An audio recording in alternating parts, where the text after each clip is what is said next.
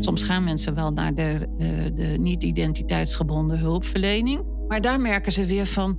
Uh, daar is te weinig oog voor mijn geloofsvragen en mijn gewetensvragen. Want daar snappen mensen niks van. En ze voelen zich vaak niet begrepen. Dat, uh, of, of dat ze um, een beetje um, niet serieus worden genomen of zo. Van, hè, kom je nog uit zo'n nest en hè, hebben jullie tien kinderen thuis? Of weet je, dat daar een beetje spottend over wordt gedaan.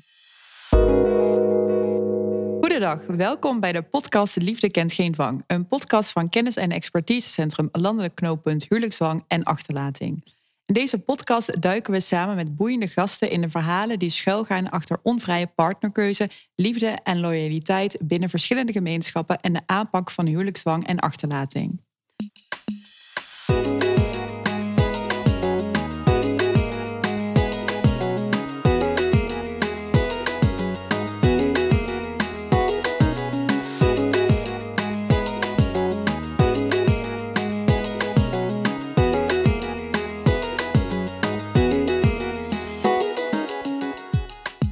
Jaarlijks trouwen naar schatting honderden Nederlandse jongeren tegen hun wil. Onderzoek laat zien dat vooral jongeren tussen de 16 en 25 jaar met een niet-westerse achtergrond risico lopen om uitgehuwelijkt te worden. Daarnaast vindt er ook een vorm van gedwongen partnerkeuze plaats in orthodox-protestantse gemeenschappen in Nederland. Ouders dragen in deze gemeenschappen niet zozeer een partner aan, maar accepteren een huwelijkspartner uit een lichtere kerk vaak niet. Huwelijkszwang is een beladen term. Jongeren herkennen zich daar niet altijd in. Vandaag spreken we met senior adviseur huiselijk en seksueel geweld bij Movisie, Hilde Bakker. Zij richt zich in haar werk onder andere op schadelijke praktijken gebaseerd op tradities, cultuur en religie. Met name eergerelateerd geweld, huwelijkszwang en achterlating en preventie van seksueel misbruik in kerkelijke instellingen en kerkelijke gezinnen. Welkom Hilde. En ook aanwezig bij ons vandaag, vaste tafeldame Dini Vleerman, uh, manager van het Landelijk Knooppunt. Um, Hilde, uh, uit onderzoek blijkt dat huwelijksdwang ook voorkomt in uh, orthodox christelijke gemeenschappen. kun jij iets zeggen over waar we dan aan moeten denken? Hoe groot is het probleem nu? Ja, hoe groot het is, dat is moeilijk te zeggen. Maar, en ze zullen de term huwelijksdwang in deze kringen ook absoluut niet herkennen. Mm -hmm. Het is ehm, eh, je moet inderdaad denken aan. Ehm, je groeit op in deze gemeenschappen. Eh, je gezin is zeg maar reformatorisch, eh, de school is reformatorisch, je gaat naar de reformatorische kerk. dus je zit al in een bepaald circuit, waardoor je dus ook eigenlijk alleen nog maar in aanraking komt met jongeren die ook uit de reformatorische kring komen. Dus in die zin wordt je partnerkeuze ook al een beetje gestuurd. Maar uh, je hebt binnen deze orthodoxe gemeenschappen hele verschillende kerken, die in onze ogen niet zo heel veel verschillen van elkaar, maar die onderling toch heel erg uh, vinden dat ze verschillende principes hebben. En de ene uh, beschouwt zichzelf ook als zwaarder dan de andere kerk. En dan um, hebben jongeren wel eens te maken gehad met dat ze thuiskomen met iemand die de ouders of de kerk ook, uh, te licht vinden, van een te lichte kerk. En dat uh, wil nog wel eens problemen geven. Dat ouders zeggen: wij accepteren deze partner niet. Dus mm -hmm. we laten hem of haar niet binnen en uh, we accepteren geen huwelijk. En het grootste probleem, misschien nog groter, want ik heb wel begrepen dat dit. als je kijkt naar aantallen, is dat moeilijk te zeggen. En waarom is dat moeilijk te zeggen? Waarom kunnen we daar moeilijk grip op krijgen? Op ja, omdat dat is ook nooit echt onderzocht. Um, en bovendien, omdat het een glijdende schaal is. Hè? Het is niet zo van, dit is nou het moment dat de ouders zeggen van, uh, wij accepteren dit niet. Uh, omdat jongeren natuurlijk al zo um, van jongs af aan ook in die kring wat ik net schetste opgroeien. Is dat iets uh, wat niet zeg maar, van moment A naar B. En dan kun je zeggen van nu is er sprake van huwelijksdwang. Zoals je soms in migrantengemeenschappen ziet dat ouders zeggen: Nou, je hebt nu de leeftijd om te trouwen. En uh, of uh, we vinden het nodig, we hebben hier misschien geschikte kandidaat voor jou. En dat, dat, dat kennen we niet zo in de orthodox-protestantse kring. Dus niet per se van je moet, maar je mag niet juist. Is dat... Ja, ja dat is ja. wel een dwingend advies. En in enkel geval uh, uh, kiezen jongeren er ook voor uh, om dan de relatie te verbreken. Om toch contact met de familie te behouden. Ehm, aan de andere kant zijn er ook jongeren die trouwen dan wel, maar raken soms het contact toch met de familie kwijt. En soms heb ik ook wel eens als oplossing gehoord, dan trouwen ze wel voor de zwaardere kerk, maar gaan ze daarna verhuizen naar een gebied waar een lichtere, waar ze wat lichtere kerk kunnen bezoeken. Uh, dus zo kunnen ze toch de band met de familie behouden, maar ondertussen toch ook een leven leiden wat beter bij hen zelf past. Ik denk dat huwelijkszwang zelf ook al heel onzichtbaar is. Um, er zijn ook geen specifieke kenmerken die wijzen of signalen die wijzen op huwelijksdwang. En wat, je, wat Hilde ook al zei, wat je toch vaak ziet, is dat uh, voor jongeren is het, een, is het een beladen begrip. Ze herkennen zich daar niet altijd in. En um, ja, het, het kent ook een geleidende schaal. Mhm. Eh, het gaat er ook over, herken je jezelf in dit soort terminologieën en beschouw je hoe het in de familie gaat. Beschouw je dat ook als een gedwongen huwelijk? Ja, precies. Het is dus vooral voor hun, uh, zeg je ook, bijna vanzelfsprekend. Want ze zijn al opgegroeid met het uh, idee van je, je kan toch niet met iemand trouwen die niet van die zwaardere kerk komt. Ja, ja. En, dus en, en je hebt natuurlijk ook nog wel situaties van moedjes. Zoals dat dan altijd zo ja, leuk Wat zijn eh, moedjes? Kun je dat voor ons uh, Dat zijn uh, de gedwongen huwelijken omdat je zwanger bent voor het huwelijk. Seks voor het huwelijk is eigenlijk verboden. Dat hoort niet binnen deze orthodoxe protestantse gemeenschappen. Iedereen weet natuurlijk dat het wel gebeurt. Um, maar word je dan zwanger als meisje? Want ehm, dan kan dat problemen geven. En dan kun je gedwongen worden om toch te trouwen. Dus dan heb je soms toch dat jongeren heel jong uh, toch uh, gingen trouwen. Nu moet ik zeggen dat ook daarin verschuiven de opvattingen wel. Jongeren moeten natuurlijk nu minstens 18 zijn voordat ze mogen trouwen. Maar we hebben ook wel oplossingen gezien dat ouders zeggen: ja, als deze huwelijkskandidaat toch niet een betrouwbare partner is, dan accepteren wij dat je wel. Want abortus is uit een boze natuurlijk. Maar dan uh, wordt het kind gewoon uh, in, bij de grootouders uh, opgevoed. Dus, en, afgestaan. Ja, ja, nou afgestaan, dat gebeurt niet zo hoor. Hmm. Nee, het is meer dat, dat het meisje dan toch bij de ouders blijft wonen en dat het met de ouders het kind opvoedt.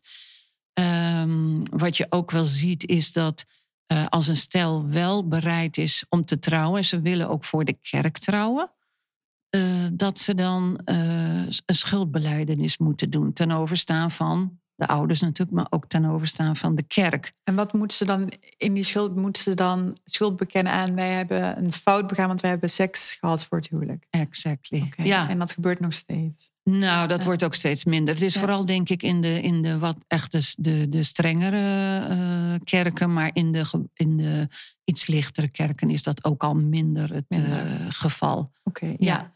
En, um, en wat nog een derde uh, groep kan zijn, zijn natuurlijk mensen met, uh, die kiezen voor iemand van de andere sekse. Dus die uh, homoseksuele, lesbische of, uh, of transgenders. Deze mensen die hebben het natuurlijk extra lastig. Ja. want homoseksualiteit is nog steeds wel een thema wat men moeilijk vindt in deze kringen. Ja, daar zijn inderdaad ook onlangs heel veel berichten over verschenen ehm, in het nieuws. Inderdaad. Uh, daar kunnen we dadelijk misschien nog verder uh, inderdaad op ingaan. Want Hilde, jij hebt in 2012 onderzoek gedaan samen met Hanneke Velten um, naar huiselijk geweld in orthodoxe protestantse gezinnen. het onderzoek kreeg de naam De Mantel der Liefde. Waarom vonden jullie het destijds belangrijk om dit onderzoek te gaan doen? Ja, wij merkten zelf bij Movisie van we zijn heel erg bezig met migranten- en vluchtelingengemeenschappen. Om daar huiselijk geweld, seksueel geweld, eergerelateerd geweld aan de orde te stellen. En te kijken hoe kunnen we zorgen dat deze mensen goed worden opgevangen. En dat daar een beter toegeruste hulpverlening voor komt. Um, wij kregen op trainingen vaak ook vragen wel van professionals van hey, wij herkennen soms vergelijkbare situaties in de orthodoxe gemeenschappen in de Bijbelbelt, zeg maar. Ja. Um, wat zijn de overeenkomsten? En toen dachten wij van, ja, daar weten wij eigenlijk als Movisie, als kennisinstituut, heel weinig van. Dat is voor ons ook een blinde vlek. Um, en laten wij eens kijken van, ja, hoe ligt dat eigenlijk in deze gemeenschappen? Hoe, uh, wat zijn daar risicofactoren uh, rond huiselijk geweld? Wat zijn ook beschermende factoren tegen huiselijk geweld? Dus zo zijn we op het idee gekomen. Ja, en hoe verklaar je dat eigenlijk dat wij inderdaad ook vooral ook in de media eh, maar heel weinig horen over uh, dat uh, vormen van huwelijksdwang, al niet anders dan, dan in andere groepen, ook voorkomen binnen deze groepen? Hoe komt dat? Dat wij daar heel weinig van horen eigenlijk in de mainstream samenleving? Ja, omdat het ook een, een um, voor een deel natuurlijk een gemeenschappen zijn die naast de, de reguliere media en, uh, en uh, um, ja, allerlei maatschappelijke gremia opereren. Dus ze hebben hun eigen hulpverleningscircuit. Mm -hmm. ze hebben hun eigen manieren om met problemen om te gaan. En uh, hebben eigen politieke partijen. Uh, ja, het is, het is een beetje een, een wereld naast ook de. Voor een deel dan, hè, zeker als het gaat om die echte. De, de, de reformatorische groep. Leeft hij ook een beetje naast de Nederlandse samen. Ze hebben hun eigen media ook. Ja, dus wij noemen dat gesloten gemeenschappen, zeg maar. Ja. ja. Um, van die term kun je ook wat vinden misschien, maar die ja. Nou ja, het is natuurlijk wel zo van... Um, de vraag is van, kun je het signaleren, hè? Ehm, weet je hoe dat moet. En vervolgens is er voldoende vertrouwen vanuit de gemeenschap ook in hulpverlening dat je mag signaleren en dat je het aan kan, uh, aan kan kaarten. En uh, je komt elkaar natuurlijk ook tegen bij de bakker, op zondag in de kerk. En het kan natuurlijk ook zijn dat je daar dan op aangesproken wordt. Je bent heel vaak, als je bij hulpverlening bent, ook deel van die gemeenschap, omdat ze vaak hè, eigen hulpverleningsorganisaties hebben. Dus je mhm. bent daar zelf onderdeel van. Uh, je hebt waarschijnlijk zelf ook hetzelfde normen- en waardekader als zij hebben. Dus daarom zeg ik ook van, ja, kun je ook signaleren? En dan vraag ik me inderdaad, of ben benieuwd wat jullie ervaring daarin is in dat onderzoek van um, hoe is dan de ervaring met seculiere, noem ik het maar even, Nederlandse hulpverleningsorganisaties? Hebben die toegang daartoe? Kunnen zij wel goed signaleren? Ja. Een niet-identiteitsgebonden hulpverlening noemden wij dat toen. Um, of dat hebben wij zelf niet verzonnen natuurlijk. um, we merken dat, dat inderdaad uh, uh, mensen liever in eerste instantie naar hun eigen kanalen gaan.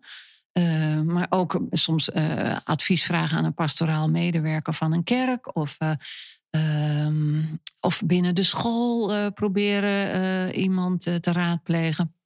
Maar ze merken ook dat inderdaad de vuile was buiten hangen. Uh, iets laten blijken van problemen in het gezin.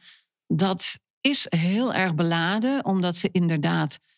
Iedereen kent de vader of de moeder. Of, uh, en, en je wil uh, je ouders niet een slechte naam bezorgen. Je wil geen problemen veroorzaken. Zo'n gesloten gemeenschap biedt ook veiligheid, bescherming ja, enzovoort.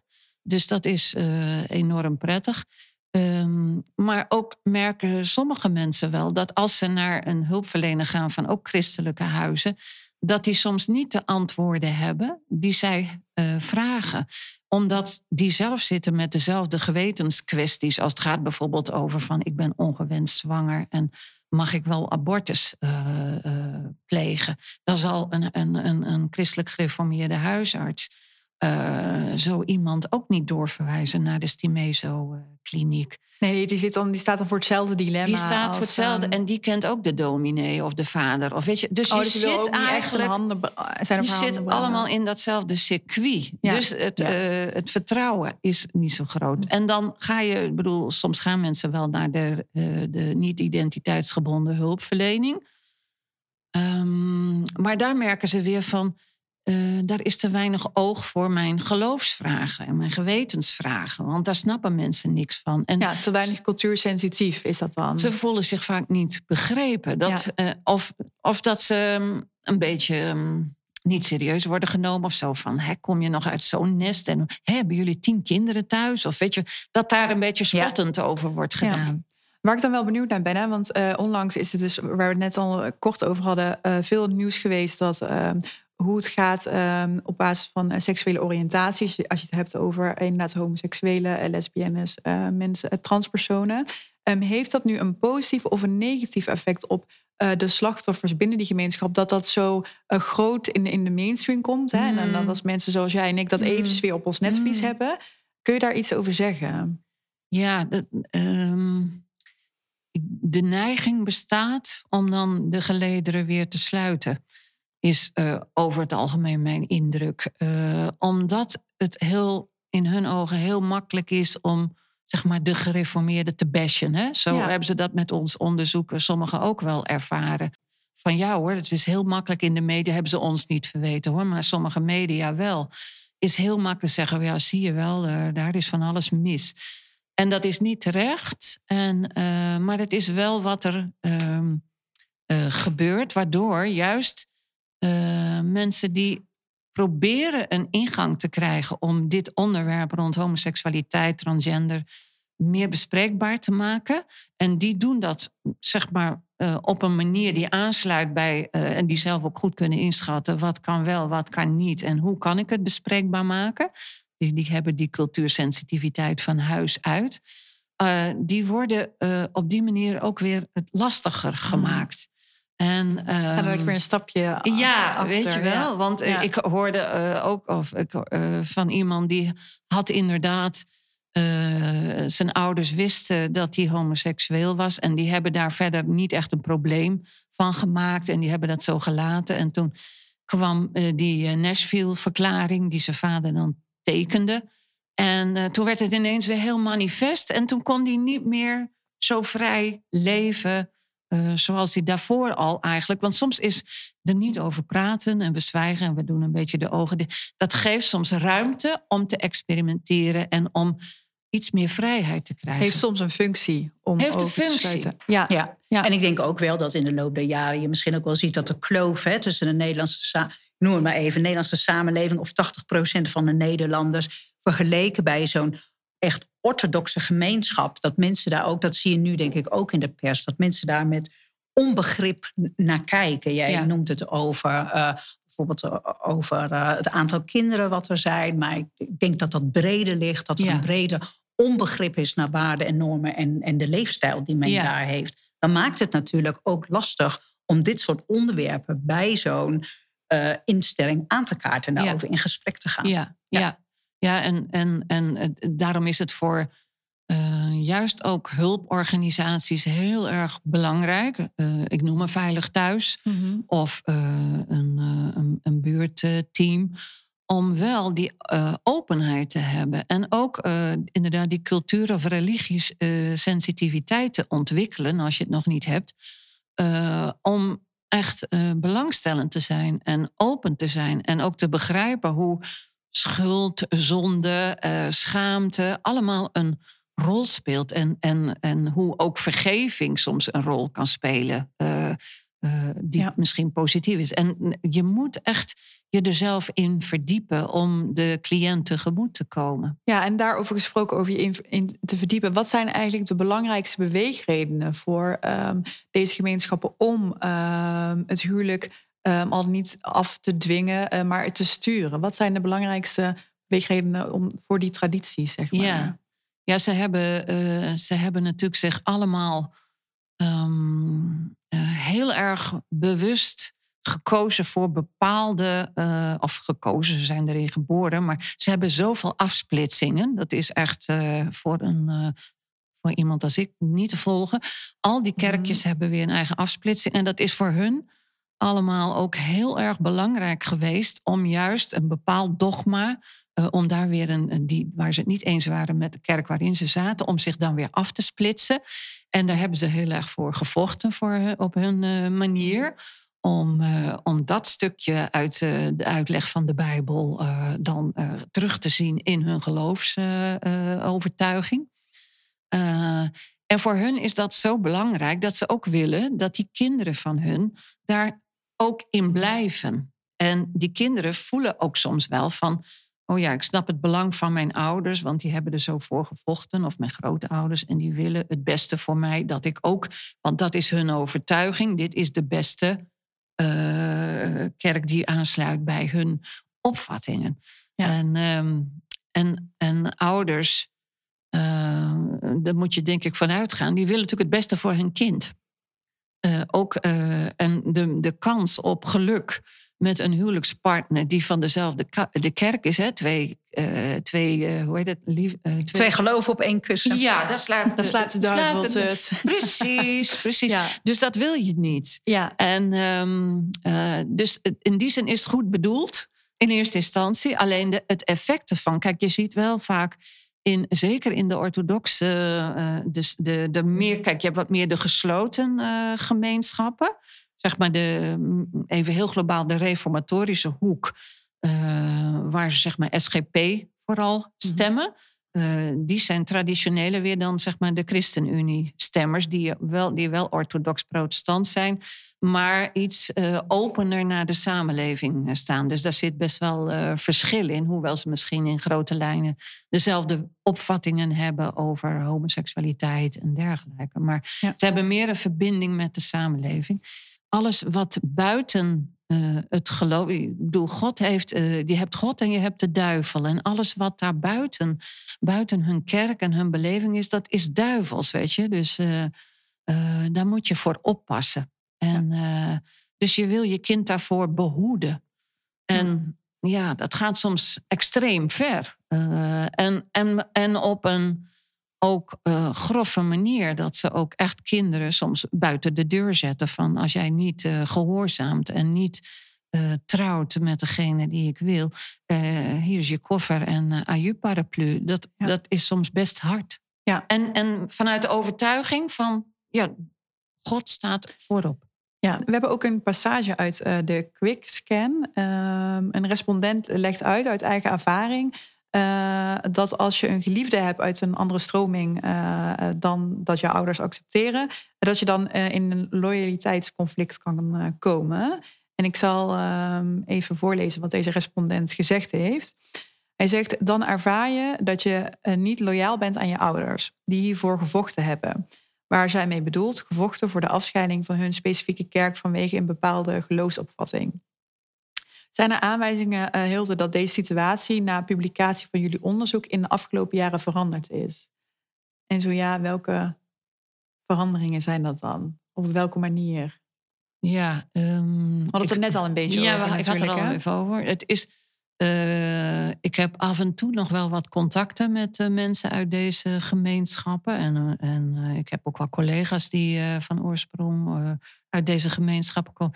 En um, Ehm, ik, ik heb er gewoon geen cijfers van, maar je kan een algemene indruk krijgen, wat ik net ook al schetste, van ja, de openheid neemt op zich toe, de bespreekbaarheid. Uh, uh, dus er is wel beweging, alleen ik kan het natuurlijk niet staven. Het is per gezin en per situatie soms ook weer verschillend. En en het zullen ook golfbewegingen, net zoals nu dan inderdaad die hele hoze rond uh, nu dat Gomaris uh, Lyceum en dan of de, de Nashville-verklaring, waardoor er dan weer ineens heel erg de focus op wordt gelegd, waardoor ook de, de organisaties die bezig zijn om homoseksualiteit bespreekbaar te maken. Is het dan terecht als we dan concluderen naar dat soort nieuwsberichten van, oh, er is helemaal niks veranderd? Of is dat te snel geoordeeld en is er dus misschien wel wat veranderd? Alleen. Ja, je moet het. Uh, uh, er zullen uh, gezinnen zijn waar het nog niet zo verandert.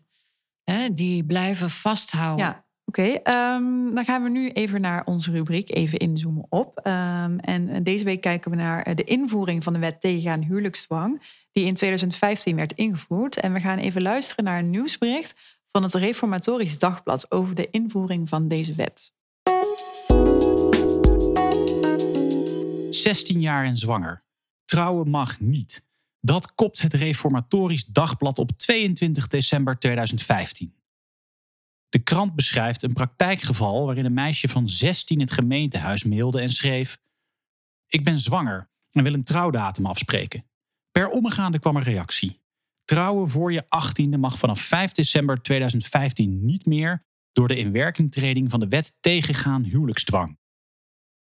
De nieuwe wet bepaalt dat in het buitenland gesloten huwelijken met minderjarige partners pas worden erkend als beide partners minimaal 18 jaar zijn. Hiermee wil het kabinet uithuwelijken van jonge meisjes tegengaan. Daarmee ging echter ook een streep door de uitzondering die eerder kon worden gemaakt voor minderjarigen. Zij konden trouwen als ouders of voogden toestemming gaven. Als iemand nog geen 16 was, was ook permissie van de overheid vereist. Eerste Kamerlid Bikker van de ChristenUnie zegt in de krant dat haar partij in de Tweede Kamer heeft geprobeerd om een uitzondering mogelijk te maken. Maar daar was geen meerderheid voor te vinden. Belangrijk argument is daarbij dat als Nederland zelf uitzonderingen toestaat, dan ook geen drempel bestaat tegen huwelijken met minderjarigen die uit het buitenland komen. Hilde, heeft de wet tegengaan huwelijksdwang uh, enig effect gehad op de problematiek binnen deze groep? Ik zou het niet weten. Ik durf er niks over te zeggen. Maar uh, uh, ik denk dat, uh, dat het op zich goed is dat jongen. Want er gebeurt natuurlijk dat meisjes zwanger worden, ook voor hun achttiende. En wat ik net al schetste van. Ehm, in hun ogen zou het beste zijn om dan inderdaad te trouwen. Dan is de zonde ook weer toegedekt, zeg maar.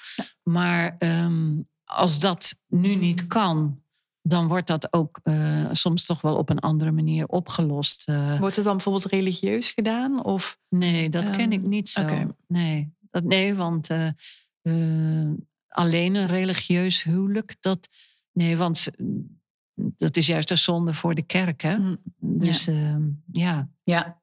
Oh, ik weet wel, want er was een evaluatie ja. hè, van, van die wet tegengaan huwelijksdwang werd ook gedaan bij, bij ambtenaren van de gemeente die zeg maar, zich bezighouden met de, met de basisregistratie. En uh, die gaven aan dat het wel een aantal keer voor was gekomen dat ze zeg maar, benaderd zijn door een uh, minderjarig meisje die zwanger was, die een verzoek deed om, om te mogen trouwen. En um, ook wel aangaven dat bijvoorbeeld ouders daar ook wel probeerden om zo'n huwelijk toch te realiseren. Ik denk op het moment dat men zich realiseerde dat het echte trouwen beneden de 18 jaar, dat het een hele harde leeftijdsgrens is. Ja, dat het dan iedereen duidelijk is dat er dus geen uitzonderingen gemaakt yeah. kunnen worden. Maar dat het wel gewoon in sommige nou ja, dorpen in de Bijbelbelt dat dat wel voorkwam. Ja, ja, ja. En over het algemeen, ja, je ziet wel vaak dat, uh, dat ze jong trouwen. Ja, uh, dat zie je inderdaad. Ja, Jonge, ja. En ook al jong uh, kinderen En als we dan krijgen. een jong hebben, over wel, wat voor leeftijd hebben we dan? Nou, vanaf zeg maar? 18 inderdaad. Uh, dat zie je toch wel. Uh, ja, dat scheelt denk ja. ik ja, maar bijna tien jaar met de mainstream, om ja, het zo maar te noemen. je ziet wel dat de meisjes ook meer hogere opleidingen gaan nemen. Dus dat stimuleert wel om ook later te gaan trouwen, om het huwelijk uit te stellen. Maar als je inderdaad geen seks voor het huwelijk mag hebben... en je hebt wel een vriend dan. Uh... En je mag dus ook geen voorbehoedsmiddelen nee. gebruiken? Nee.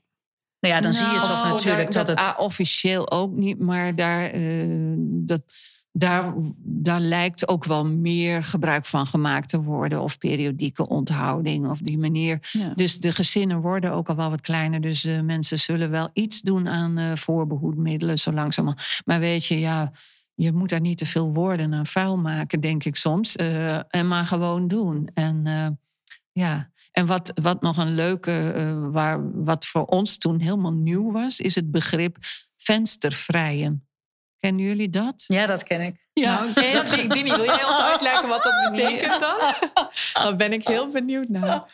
Wat ik wel ken uh, is dat uh, zeg maar het raam uh, s'avonds open staat van, het, van de kamer van de jonge dochter. En dat je dan met de ladder uh, naar boven gaat en dan door het raam heen gaat. En dan uh, toch stiekem uh, het meisje kunt, kunt ontmoeten. Ja, en, en, en niemand en, heeft dat door. Dat er een ja, ja, met, met ik denk dat het, man, het is eigenlijk een heel erg middeleeuws gebruik. En dat ja. heb ik begrepen.